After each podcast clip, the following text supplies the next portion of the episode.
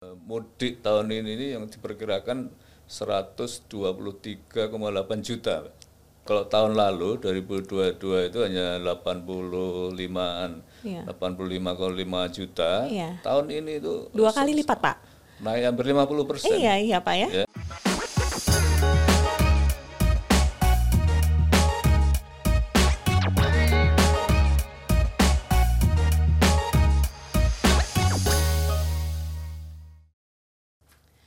Sobat Bina Marga, selamat datang di program Bincang Jalan dan Jembatan persembahan dari Direktorat Jenderal Bina Marga. Bersama saya Wulandari Purjati yang akan menemani kalian di episode spesial Ramadan mengenai kesiapan jalur mudik Lebaran 2023. Nah, sudah bersama saya nih kali ini narasumber kita Bapak Ahmad Cahyadi selaku Direktur Preservasi Jalan dan Jembatan Wilayah 1 Ditjen Bina Marga. Nah, selamat datang Pak Cahyadi. Selamat datang Mbak. Selamat Wan. datang. Pagi. Dan Kembali lagi nih ketemu sama saya ya. Siap. Iya. Waktu itu kan kita ngobrol-ngobrol tentang skema KPBU ya Pak ya. Iya. Nah, kalau eh, batasan, saya tanya dulu nih Pak, batasan eh, kewenangan preservasi jalan dan jembatan wilayah satu itu wilayahnya mana aja Pak? Wilayahnya ada empat, empat pulau besar, Mbak. Empat pulau Jadi besar ya. Sumatera, Iya. terus Jawa, Bali, dan eh, Kalimantan. Jadi, Sumatera, Jawa, Bali itu mayoritas orang mudik tuh Pak. ya apa, apa Eh, mudik lebaran. eh, sibuk. Jadi ada 19 balai kita di sana, kurang lebih 28 ribu kilometer, ada 65 persen lah dari jalan kita Oh, iya. di seluruh Indonesia. Oke, baik Pak. Nah, sekarang Pak nih di bulan Ramadan ini eh, kita akan bincang-bincang terkait jalur mudik Lebaran 2023. nah, Bapak sendiri eh, bakal eh, mudik nggak nantinya? Ya, mudik lah. Mudik ya Pak ya. Jalur apa Pak? Sama keluarga darat, Mbak. Jalur darat ke mana Ya, tuh Pak? Ke Semarang. Oh, ke Tapi Semarang. walaupun begitu kan ini ada tugas dari Pak Menteri, Pak Iya. Dirjen untuk tetap kita monitor anu ya, eh, arus mudiknya itu. Nah itu Pak, bahas itu sekalian Pak nih. Langsung saja saya ke pertanyaannya ya. Nah, Hmm. eh, Bapak bisa kasih tahu Pak, persiapan apa yang telah dilakukan sama Ditjen Bina Marga untuk Hmm. Ya. menyambut jalur mudik ini? Jadi gini ya Mbak Wulan ya. Ya. Jadi saya ingin memberikan pemahaman kepada masyarakat kita ya. Jadi ada kesan bahwa Bina Marga itu bekerja ya eh, menyiapkan hanya untuk pada saat-saat mudik Lebaran atau pada saat-saat Nataru ya. Itu nggak benar itu ya. Jadi padahal kita itu menyiapkan itu seluruh apa setiap saat setiap sepanjang tahun itu bagaimana agar jalan kita itu baik. Jadi ibaratnya gini Pak, kalau kita punya jalan itu ya, sama dengan kita punya rumah itu. Jadi kalau rumah itu ya kena panas, kena hujan ya, mungkin eh, gentengnya bocor ya, terus apa mungkin eh, kusen-kusennya bisa lapuk, catnya bisa pudar ya. Sama dengan jalan juga begitu juga. Jadi jalan itu kalau kena panas, kena hujan, dipakai oleh kendaraan eh, lalu lintas kita, apalagi kendaraan-kendaraan berat itu pasti juga harus dipelihara. Setiap saat dipelihara mungkin jalan itu ada yang krek-krek retak-retak ya. Mulai ada lubang-lubang kecil kemudian ada yang deformasi dan lain-lain. Itu setiap saat harus kita pelihara. Jadi kita menyiapkan jalan kita yang dalam kondisi yang baik itu tidak, tidak hanya lebaran saja tapi juga setiap saat harus kita eh, preservasi kita pelihara bagaimana eh, jalan kita itu harus kondisi yang baik Iya. Jadi sepanjang tahun tuh memang sebenarnya Bina Marga sudah memiliki program-program uh, preservasi ya Pak ya, Iya, nggak hanya kita- di event khusus. Ya, jadi untuk tahun ini ya 2023 kita juga sudah punya program ya, baik paket-paket kegiatan yang eh, tahunan, single years maupun paket-paket yang dua tahunan, tiga tahunan, multi years sampai 2024 itu sudah ada. Jadi itu kita akan eh, post, akan kita eh, kerjakan, akan kita laksanakan. eh, bagaimana caranya agar kondisi jalan kita cukup baik. Oke, baik Pak. Nah, gimana Pak kesiapan jaringan jalan baik tol maupun non tol saat untuk nanti arus kendaraan yang bakal uh, penuh nih di Ya, jadi waktu Ramadan? seluruh kegiatan eh, karena ada yang paket-paket yang tadi eh, multi years misalnya ya itu eh, akan kita eh, hentikan sementara di Hamin 10 tanggal 12 eh, April dengan uh, kita membuat ya, staging staging paket-paket kegiatan itu bagaimana caranya agar pada saat uh, Lebaran itu tidak mengganggu lalu lintas lalu kita, kemudian juga material-material misalnya paket-paket itu belum selesai ya sampai 2024 material-material sisanya kita singkirkan dulu, alat-alat yang dipakai bekerja alat-alat berat juga kita singkirkan dulu ya itu uh, sehingga lalu lintas kita bisa uh, lancar. Jadi di di Jawa itu kita ada lima lintas sebenarnya termasuk tol ya. Jadi kalau uh, Pantura, pantai utara Jawa itu adalah paling uh, sibuk, uh, paling apa uh, jalan yang uh, paling lama ya. Jadi panjangnya ini ada 1229 uh, kilometer kemudian eh, di bawahnya itu nanti ada eh, jalan tol Trans Java, kemudian ada lintas eh, selatan eh, panjangnya adalah 888,47 eh, kilometer, kemudian ada lintas tengah itu 1900 1197,33 kilometer. Kemudian yang e, baru sebenarnya ya enggak baru tapi memang masih dalam proses pembangunan yaitu lintas pantai selatan oh, iya, e, Jawa. Ya. ya itu panjangnya adalah 1543,56 km. Itu Jadi, uh, yang saya tahu tuh Pansela tuh bagus pemandangannya ya Pak ya. Iya, hmm. jadi bisa jadi tempat wisata juga tuh Pak. Sebagai uh, ya. apa jalur uh, alternatif ya karena memang di sana uh, kondisi uh, jalannya bagus. Jadi keempat, uh, kelima uh, lintas tadi itu, Pak, Pantai Utara Jawa, hmm. tol Trans Java, kemudian jalur lintas tengah, lintas selatan, ya, lintas pantai selatan itu cukup baik kondisinya. Ya. Kita sekarang ini di atas kurang lebih di atas 95 persen ya. Kondisi mantap Kondisi jalannya ya Pak ya. Mantapnya jalan, hmm. jalan kita itu. Hmm. Jadi uh, semua masyarakat ini bisa me, apa me, punya kesempatan bisa memilih ya eh, jalur mana opsi ya, mana yang akan kita pakai walaupun ya, ya masih jalan tol menjadi pilihan utama, pilihan utama karena ya. memang jadi apa lebih lebar lebih cepat gitu ya. ya. Bapak sendiri ke Semarang lewat mana Pak? Ya, pilih tol atau pilih lewat Pantura lah Pantura ya Pak ya. Kita kan preservasi ya uh, sambil oh, sekalian, lihat, ya, lihat monitoring cek kondisi, di sana. Ya kita apa pulang nanti pulang mudik lah. Ya, pulang mudik sambil kerja. Sambil kerja. Orang Bina Marga itu iya, Pak.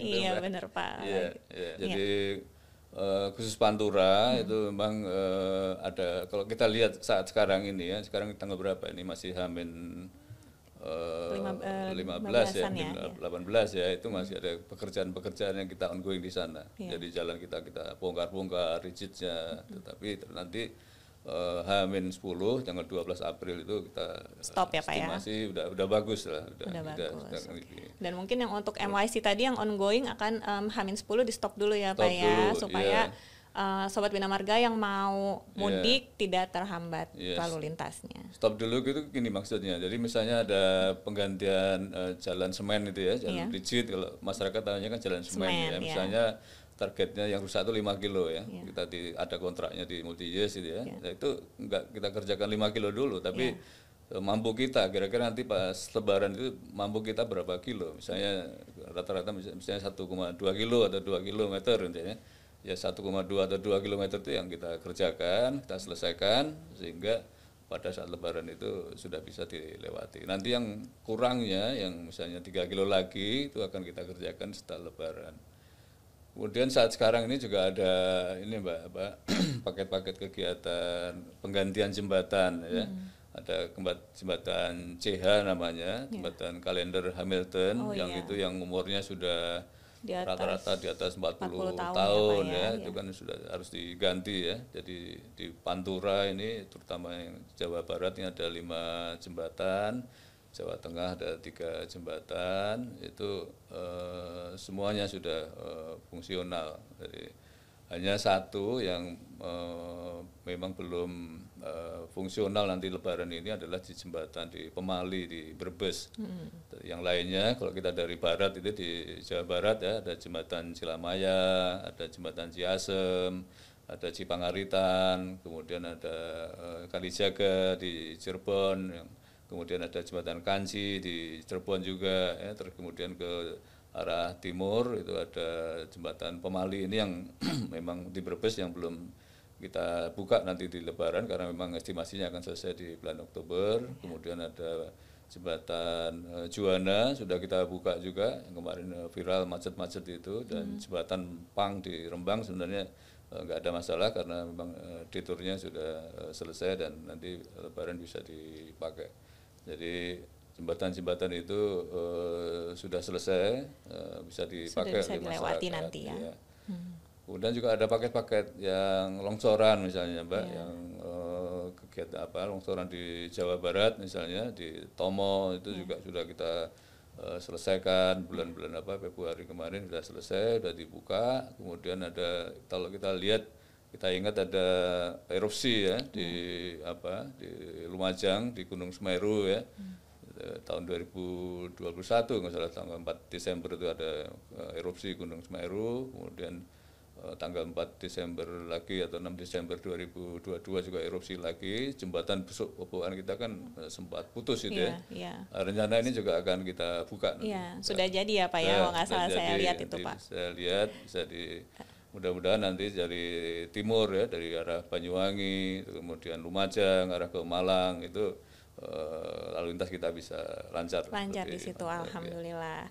Nah, Pak gimana untuk jalan tol dan jalan nasional? Tadi kan jembatan tuh ya Pak ya. Nah, yeah. jalan tol dan jalan nasional yang kira-kira masih dalam progres, tapi kira kira-kira ada nggak nih Pak yang bisa difungsionalkan yeah. pas lagi Jadi, jalur mudik?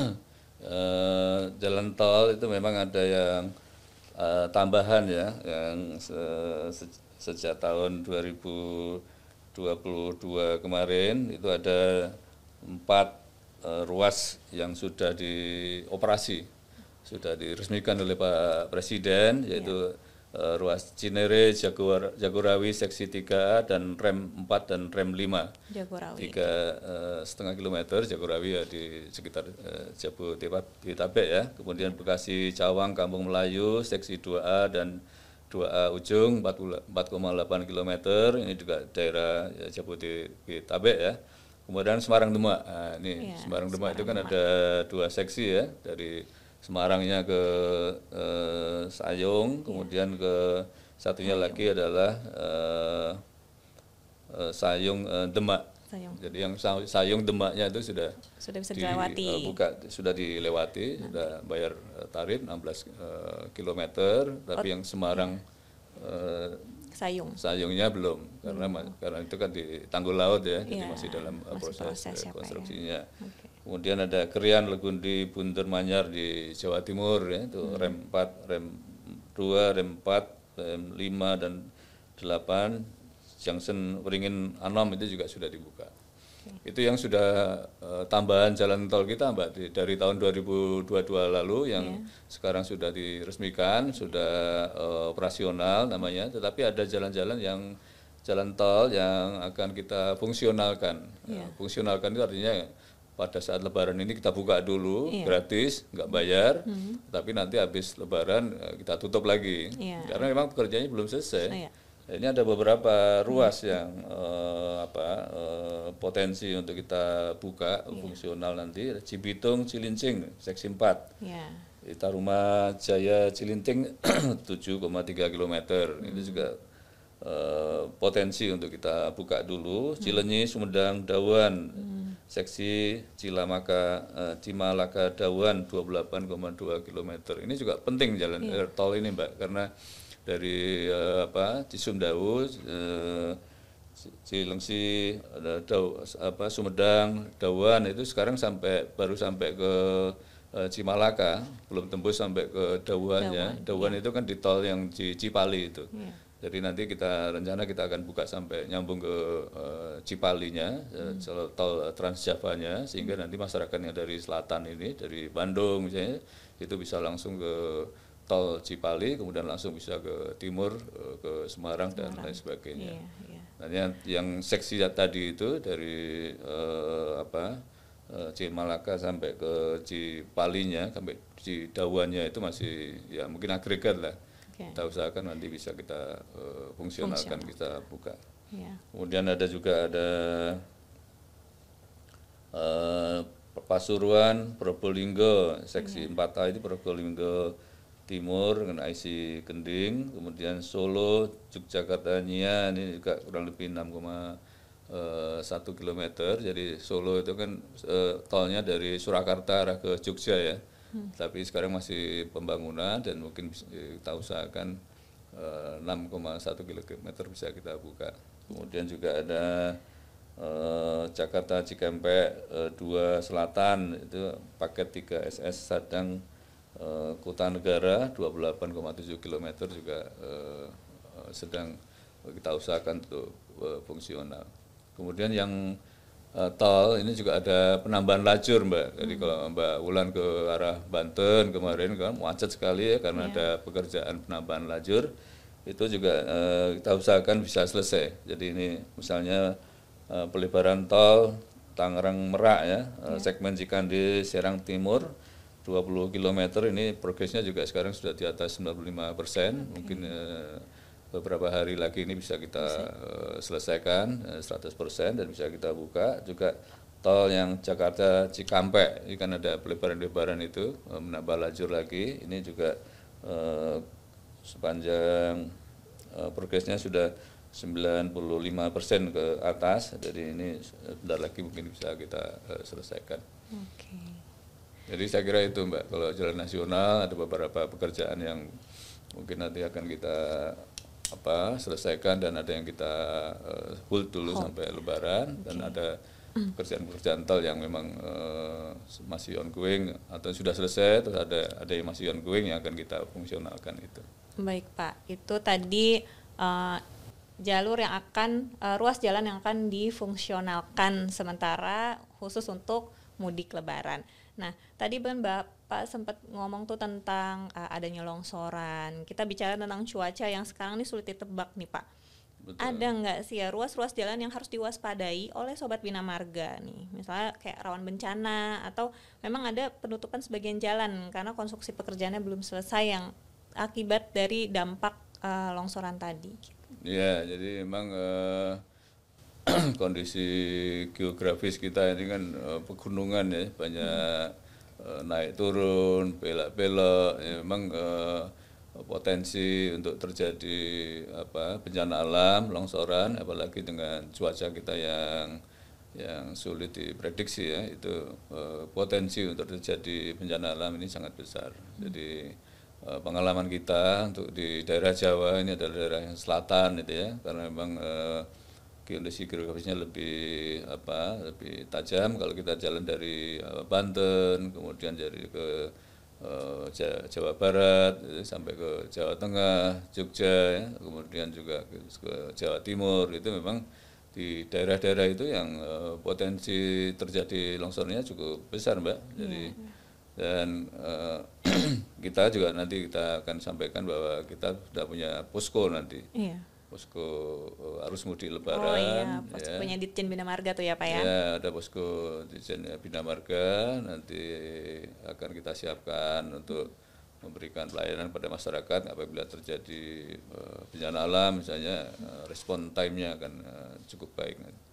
Eh, tadi eh, Jawa tuh memang eh, banyak pegunungan yang tadi Bapak. Itu kan sempat ada tuh Pak jembatan Cikretek yang kemarin eh, Iya. sud- eh, ter- terkena longsoran ya. Ya. Nah, terus iya. sekarang sudah ada jembatan tapi jembatannya hanya bisa dilintasi dengan motor. Nah, gimana tuh Pak untuk sobat Bina Marga yang dari arah ke Sukabumi mau lewat tuh gimana tuh Pak?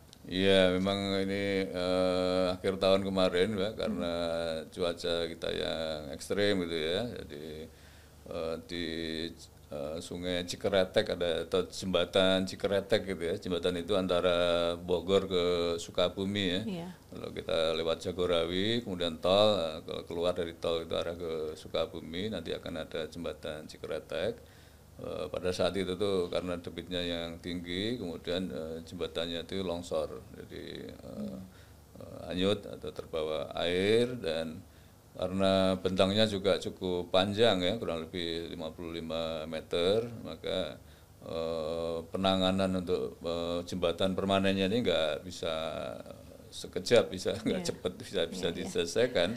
Jadi eh, sekarang ini kita pasang namanya jembatan darurat eh, Beli ya. Jadi jembatan baja Beli lebarnya sih kurang lebih tiga setengah meter tapi ini eh, kita pergunakan khusus untuk kendaraan eh, roda dua sepeda motor ya. Jadi karena memang eh, arusnya cukup padat kemudian yang kendaraan-kendaraan angkot gitu ya kendaraan-kendaraan itu tuh nanti eh, estafet mbak. Dari dari Bogor sampai ke jembatan Cikretek terus nanti orangnya turun jalan kaki nanti dari Cikretek naik lagi angkot sampai ke Ada yang menyambut di sana ya?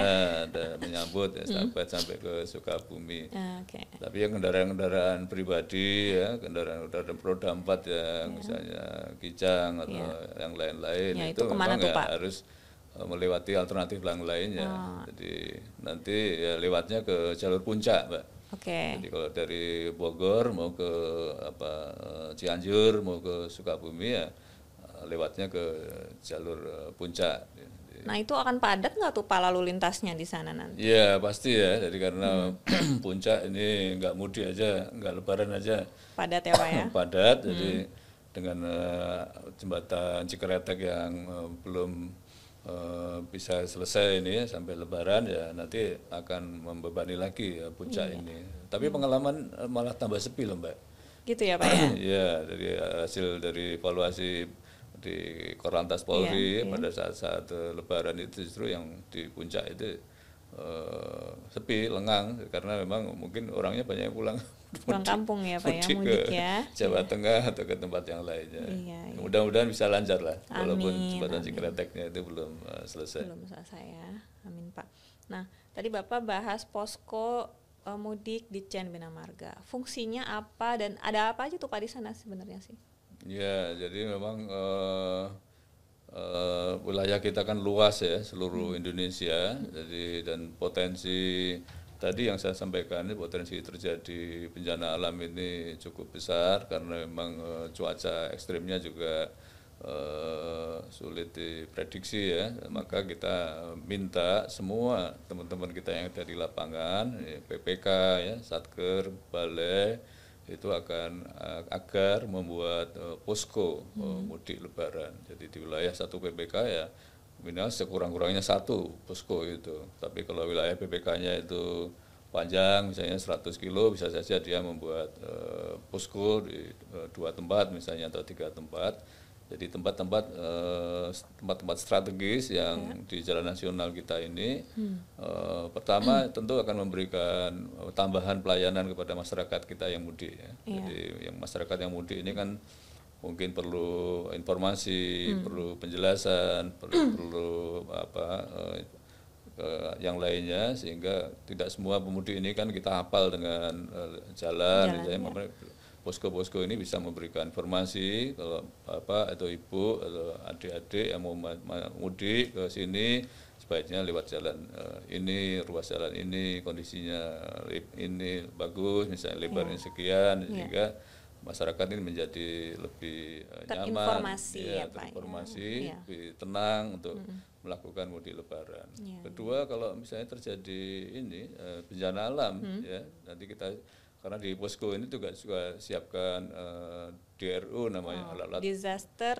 Relief eh, Unit. relief unit Iya, ya Mbak Wulan mah udah tahu alat-alat Pernah berat. baca pak saya? Pernah baca Oh ya? alat berat. alat-alat berat isinya DRU itu namanya alat berat mbak Oh, Jadi iya, alat-alat iya, berat yang utama ya misalnya ekskavator ya, Iya. untuk gali-gali tanah nanti ada truk ya ada loader mungkin ada grader ya. Ya, gunanya kalau misalnya di dalam satu wilayah itu nanti terjadi eh, apa bencana alam yang sering kan longsor misalnya ya tebing longsor itu dapat segera ditangani. Jadi kita di Renstra Bina Marga ini ada respon time-nya, jadi waktu yang harus segera bisa apa kita menangani itu paling lama 7 jam. Iya. Sehingga dengan posko-posko yang kita dirikan, kita bentuk di lapangan di tempat-tempat eh, wilayah PPK itu akan membantu untuk bisa dimobilisasikan eh, alat-alat DRU kita itu untuk menangani eh, Bencana. eh, bencana. Iya, iya. Kalau fungsi-fungsi yang lainnya ya kita saling kol- kolaborasi dengan institusi yang lainnya. Oh, iya. Biasanya kita dengan Polri, dengan apa eh, perhubungan ya terus kemudian Kementerian Kesehatan kadang-kadang kan membuat posko juga ya Posko kesehatan ya, ya, Pak posko ya. kesehatan sehingga kita bisa eh, berkolaborasi berkoordinasi dengan posko-posko yang ada Lain, itu ya. untuk memberikan pelayanan kepada masyarakat kita Iya. termasuk informasi mesti kadang-kadang misalnya orang mudik eh, Mbak di mana eh, Bapak di mana bengkel yang terdekat misalnya Hmm. mobilnya ada masalah ya Iya. kita juga punya kita minta teman-teman ini bisa me, apalah ada update-nya gitu ya Hmm. kalau misalnya ada kendaraan yang perlu eh, fasilitasi bengkel misalnya Iya. atau sepeda motor sepeda motornya mungkin eh, rusak mungkin Hmm. ada perlu ini ya eh, kita ada informasi seperti itu misalnya Oh. rumah sakit yang terdekat atau puskesmas yang dekat karena masyarakat kita lagi nggak sehat misalnya Iya. itu bisa kita informasikan juga jadi intinya kita memberikan eh, pelayanan kepada masyarakat eh, terutama kegiatan-kegiatan yang berkaitan dengan kegiatan kita ya, ya, infrastruktur jalan dan jembatan dan juga membantu eh, memberikan pelayanan ke yang lain-lainnya eh, berkolaborasi dengan Instansi institusi lain, ya. atau owner-owner yang. Tapi saya doain DRU-nya nggak kepake tuh Pak. Amin. Ya, Amin ya. Pak ya. Sebaiknya iya, jangan kepake deh tuh ya. Ya, Mm, mudah-mudahan supaya- ada bencana alam Iya, ya. betul. Masyarakat kita bisa aman, bisa nyaman, enak eh, mudik lebaran nanti. Iya, mudik lebarannya berkesan. kan mudik juga kan? Mudik saya Pak, Mana jalur darat ke Cirebon Pak. Wow, Cirebon iya, dekat. Iya betul. Ya lari aja nyampe Cirebon. Ya enggak atuh Pak. saya lewat Cipali ya Pak Cipali ya. ya? Iya Ya, betul. iya, itu iya. bagus juga tuh Pak kalau pagi-pagi tuh sunrise. Iya. Itu gunung-gunung Iya. mataharinya bagus banget. Iya, jangan tanggal 19. Tanggal 19 itu diprediksi puncaknya, Mbak. Nah, itu puncaknya kapan tuh Pak? Kasih tahu Pak. Iya, jadi dari kita kan ada koordinasi dengan Menteri Kementerian Perhubungan, dengan Korlantas ya, hasil eh, litbang eh, Kementerian Perhubungan eh, mudik tahun ini ini yang diperkirakan 123,8 juta. Banyak ya kalau, Pak ya. Iya, kalau tahun lalu 2022 itu hanya 85-an, Iya. 85,5 juta. Iya. Tahun ini itu Dua kali lipat Pak. Naik hampir 50 persen. Iya, iya Pak ya. Ya. Wow. Karena apa? Karena memang kalau kemarin kan masih ada ini ya COVID COVID ya. Hmm, Jadi sekarang ini pemerintah Pak Presiden Iya. sudah melepaskan ya, Iya. me- memberikan kelonggaran kepada masyarakat kita untuk eh, ya Boleh. boleh melakukan Silakan, apa ya. kegiatan mudik atau ke- berkerumun dan lain sebagainya Iya. sehingga eh, diprediksi dari hasil eh, litbang eh, perhubungan itu akan Iya. terjadi lonjakan yang cukup besar. Besar banget itu Iya. Pak, dua kali lipat Pak. Tanggal Iya. berapa tuh Pak yang tadi bakal banyak arus itu mudiknya? tanggal 19 kalau mudiknya itu. 19 mulai Mulai Ha-ha. 19 Arus baliknya tuh, Pak? Hmm? sore itu karena tanggal ininya kan sudah libur kan. 19-nya. 19-nya Iya. di 19 pagi atau 18 eh, malam Sore ya, ya. sore itu udah mulai orang eh, libur Iya. nanti orang mulai, mulai mudik perkirakan itu akan terjadi Lonjakan, puncaknya ya sampai tanggal ke sebelum HM lebaran itu lebarannya insya Allah tanggal 23 misalnya ya Hmm. jadi tanggal 19 sampai 22 tapi puncaknya mungkin tanggal 19 perkiraannya itu Nah, kalau arus baliknya Pak kapan tuh Pak? Arus baliknya itu yang mau Hmm. masuk ke kantor itu. Jadi kantor masuk kan tanggal 26 Iya. ya. 25 itu paling puncak itu. Iya, iya, Ya, betul. 25. Nah, terakhir Pak, tadi Bapak mau lewat eh, tol atau pantura ya Pak ya, lewat pantura kan. Pak. Iya. Harapan-harapan dong Pak bagi pemudik yang akan kembali ke kampung halaman dengan menggunakan transportasi darat. Ya, saya kira eh, himbauannya Hmm. Sebaiknya eh, pakai kendaraan roda dua itu dihindari lah mbak. Ya. Oke. Ya, jadi memang eh, apa anjuran dari pemerintah, dari petugas ya itu eh, kendaraan roda dua ini sebaiknya diangkut karena nanti ada pengangkutan eh, sepeda motor gratis baik dari KAI Ya. kemudian dari dengan perhubungan darat ya diangkut dengan truk dengan eh, bis dengan yang lain-lainnya termasuk orangnya juga ada kita siapkan nanti eh, mudik gratis ya. Jadi nanti kendaraan-kendaraan itu nanti diangkut kemudian sampai tujuannya mana misalnya sampai ke eh, Cirebon sampai ke Tegal sampai Semarang mungkin ada yang sampai ke Jogja ya. Jadi orangnya nanti eh, diangkut juga kemudian sampai di sana nanti motornya di eh, dibawa, diturunkan, dipakai lagi. Nanti pulangnya juga dinaikkan lagi. Oke. Jadi kalau sepeda motor roda dua ini kan eh, sebenarnya nggak di setting ya, nggak direncanakan dipergunakan untuk perjalanan jarak jauh, apalagi satu sepeda motor nanti di dengan istrinya, dengan anaknya nanti masih bawa Bonceng tiga pak. bonceng tiga, masih Ya. bawa oleh-oleh dan lain-lain itu kan eh, capek ya, sangat membahayakan untuk eh, terjadinya ya kecelakaan dan hal-hal yang tidak kita harapkan. Utamakan keamanan supaya mudiknya berkesan ya pak ya. Ya, terus kemudian yang kedua ya kalau kendaraan secara umum pribadi ya ikuti arahan dari apa petugas yang ada di lapangan. Karena kita sudah ada SKB mbak, jadi Apa itu, Pak? surat eh, apa eh, bersama keputusan bersama antara Direktorat Jenderal eh, Perhubungan Darat Kementerian eh, Perhubungan, kemudian dengan Korlantas Polri dan Pak Dirjen kita, Direktur eh, Jenderal Bina Marga, eh, SKB 3 eh, Direktorat Jenderal itu untuk memberikan eh, diskresi kepada eh, Korlantas Polri untuk mengatur lalu lintas. Iya. Jadi kalau terjadi sesuatu yang yang luar biasa, yang stuck misalnya ya, lalu lintasnya cukup besar terus terjadi ini ya Pol- Polri itu bisa me- memberi apa mengambil satu keputusan untuk mengatur lalu lintasnya. Betul. Bisa satu aja nanti oh ditutup misal luas ini, kamu lewat sini ya, sini tutup, lewat sini ya itu Harus dipatuhi. harus dipatuhi. Jangan karena Polri juga eh, pasti punya data-data ya, Ya. karena eh, punya CCTV, punya informasi yang akurat. Pada saat-saat tertentu itu pasti eh, terjadi yang eh, yang dialihkan atau diarahkan itu yang yang lebih baik lagi. Oke Pak, baiklah itu tadi bincang-bincang saya dengan Pak Cahyadi terkait jalur mudik Lebaran 2023. Terima kasih Pak Cahyadi untuk berbagi informasinya bersama saya Iya, dan Mbak, Sobat Bina. Marga di rumah ya Iya. Pak ya. Memang Iya. eh, eh, Lebaran kali ini tadi 50% ada lonjakan Iya. kenaikan pemudik eh, di 2023 ya. Iya. Oke, nah semoga Bapak lancar puasanya, Amin. lancar juga Amin. pekerjaan jalannya. Sama-sama Mbak ya. Iya, Pak Pak. Wulan juga begitu. Amin amin.